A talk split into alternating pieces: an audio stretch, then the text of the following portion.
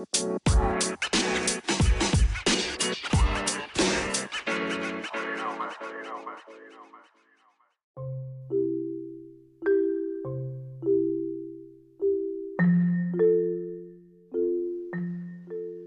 semuanya, balik lagi sama saya Nova Muhammad Zahir di podcast Civic Journalism masih mengulas buku Carol Rich ya yang Writing and Reporting News. Kali ini pembahasannya akan kita bahas sumber dan riset daring. Nah, rekan-rekan semuanya, seorang wartawan yang baik pasti membutuhkan orang buat diwawancarai dan sumber tertulis seperti catatan publik ya kan? Nah, tapi pernah nggak kepikiran gimana sih cara mendapatkan sumber ataupun bagaimana sih cara dapetin orang yang baik untuk didapatkan ceritanya. Nah, sebelum kamu semua memulai melaporkan setiap tugas, periksa dulu nih cerita kamu ataupun uh, berita yang kamu bawakan itu di database atau melakukan riset online. Sebagian besar media cetak ataupun ruang redaksi siaran televisi pasti punya basis data stasiun. Nah, kayak koran, stasiun televisi udah melakukannya. Mudah untuk mencari cerita sebelumnya ataupun topik yang sama kalau ada database ini. Anda juga dapat menemukan sumber di internet, di dalam grup berita, jejaring sosial, situs, dan juga blog. Jika Anda mencari sumber berdasarkan nama, periksalah untuk memastikan nama sumbernya orang yang kamu inginkan. Banyak loh orang yang memiliki hal yang sama, kayak nama panjang Joko Widodo aja, nggak cuma Joko Widodo doang yang punya. Dan informasi yang Anda ambil mungkin bukan sumber yang benar.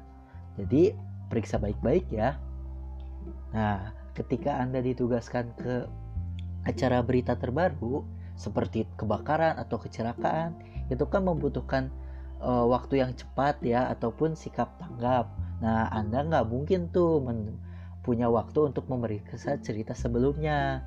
Nah, yang harus kamu lakukan adalah memeriksa cerita atau topik yang sama sebelum menulis.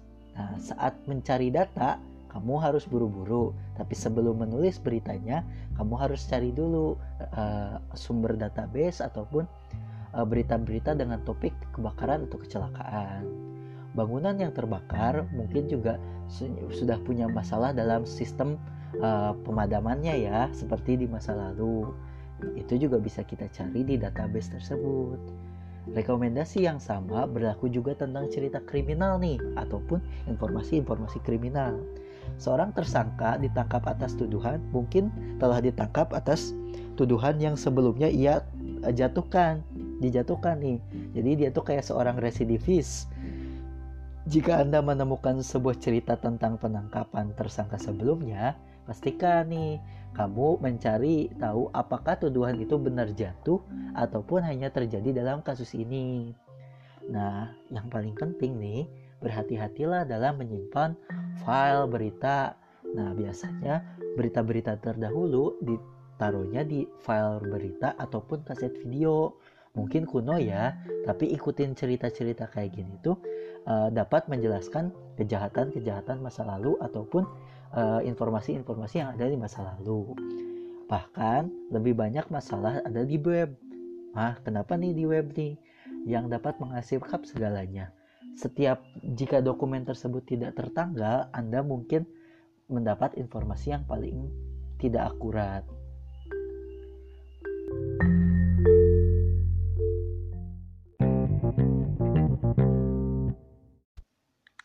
Nah, setelah tadi kita dengerin uh, penjelasan aku tentang apa itu sumber dan riset daring ya, sekarang aku mau ngejelasin tentang sumber daya manusia.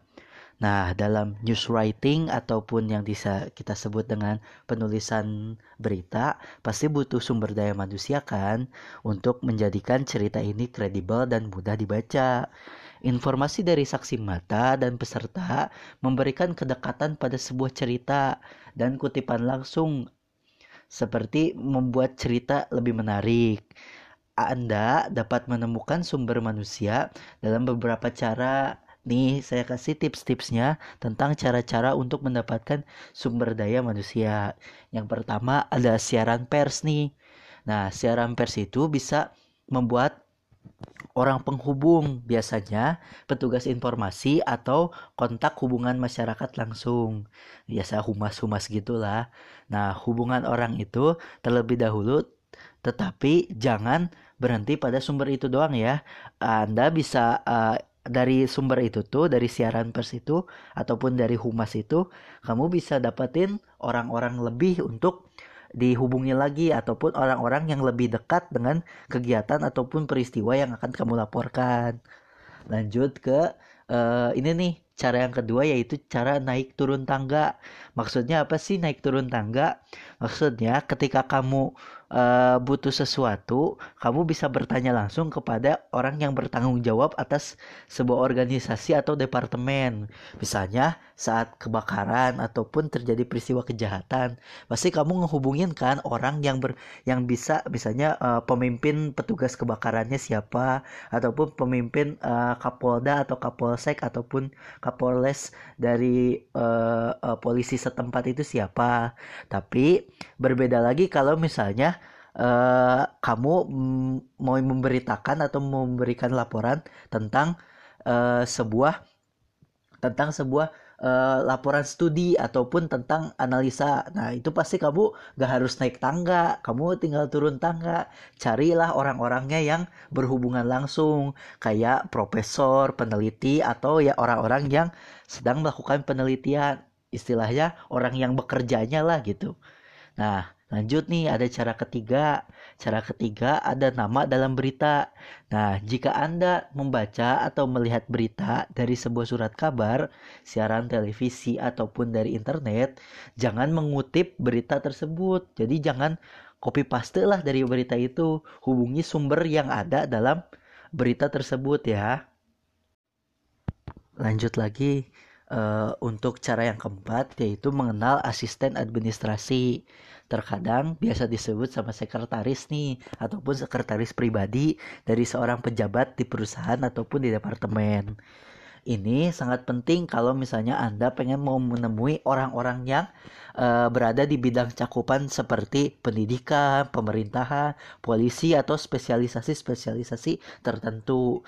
Ini kan uh, kamu kan ingin membuat wawancara itu secara intens ya misalnya seminggu sekali ataupun kamu mau janjian uh, tiga kali pertemuan. Nah, itu tuh gak bisa sembarangan. Kamu harus tahu dulu siapa orang yang bisa menjadwalkan pertemuan kamu sama orang yang kamu tuju kayak gitu. Nah, tanpa adanya kerjasama asisten administrasi, Anda mungkin tidak mendapatkan sumber yang kamu butuhkan. Jadi bisa aja uh, seseorang itu nolak secara berlebihan karena dia punya jadwal yang lebih pasti. Nah, cara yang kelima adanya tokoh masyarakat dan kampus. Nah, di sini kamu harus cari tahu terlebih dahulu nih siapa pemimpin kelompok di komunitas atau di kampus Anda. Jangan membatasi sumber Anda untuk orang-orang ini, tetapi mereka bisa menjadi sumber daya yang awal yang berharga yang dapat menuntut Anda kepada orang lain. Ya, ini sih hampir kayak uh, siaran pers ya. Maksudnya kamu cari dulu tokohnya nanti kalau dari tokohnya itu dia bilang wah nanti kamu coba tanya kepada siapa? Si Anu atau si Anu? Nah itu pasti uh, kamu dapat dapat uh, orang lain kan buat diwawancara lagi kayak gitu. Lanjut cara yang keenam itu ada sponsorship.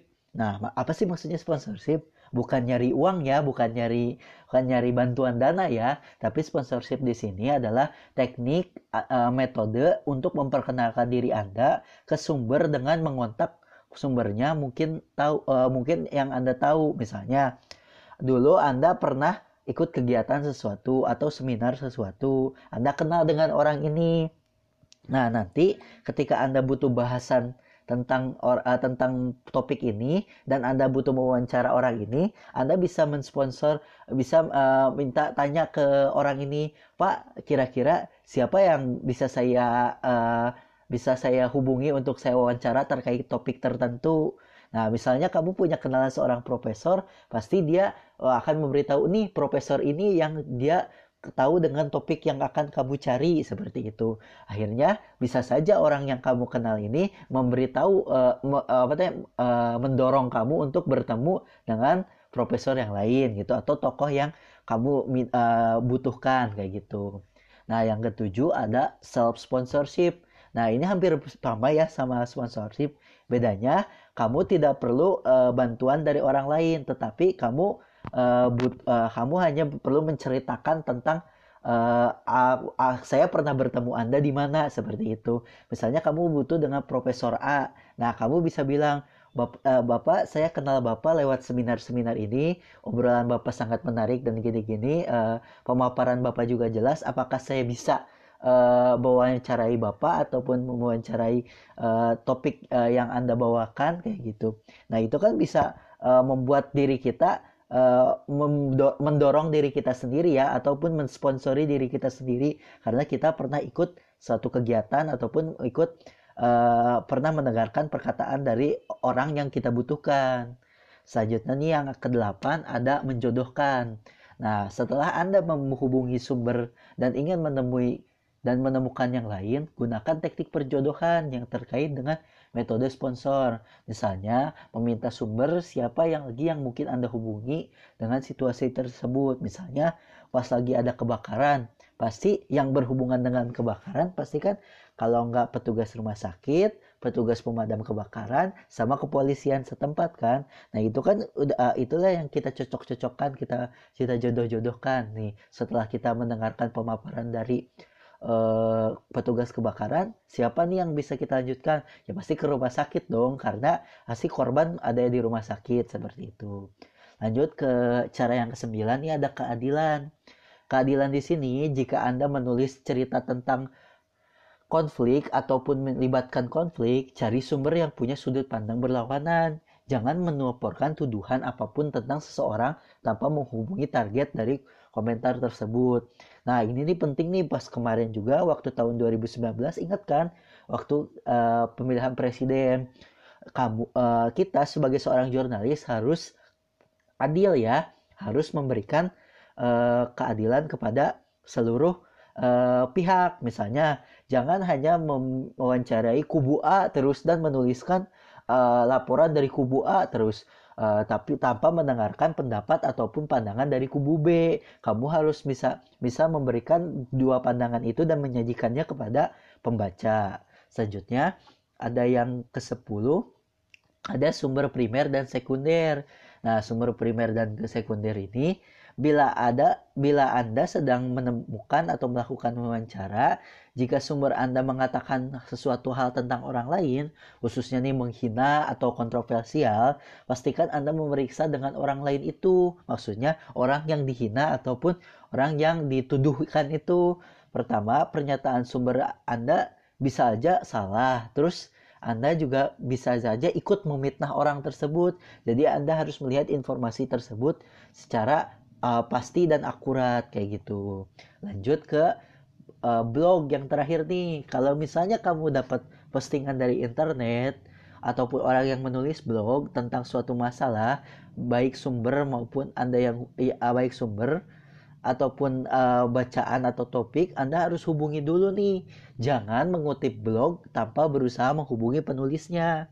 Dan jangan menanggapi informasi dari blog sebagai akun bernilai berita karena blog itu biasanya isinya kolom opini dan refleksi pribadi, tetapi mereka juga bisa menemukan sumber daya manusia. Nah, mungkin sekian ya ulasan tentang uh, bab ini. Nanti kita lanjut lagi ke uh, uh, ulasan-ulasan bab lainnya masih dalam bukunya Carol Rich Writing and Reporting News Uh, ini mungkin sebagian kecil perjalanan kita untuk menjadi jurnalis, tapi semoga tips-tips ataupun uh, ulasan yang saya berikan bisa mendapatkan, uh, bisa membantu Anda untuk menjadi jurnalis. Terima kasih, bye bye.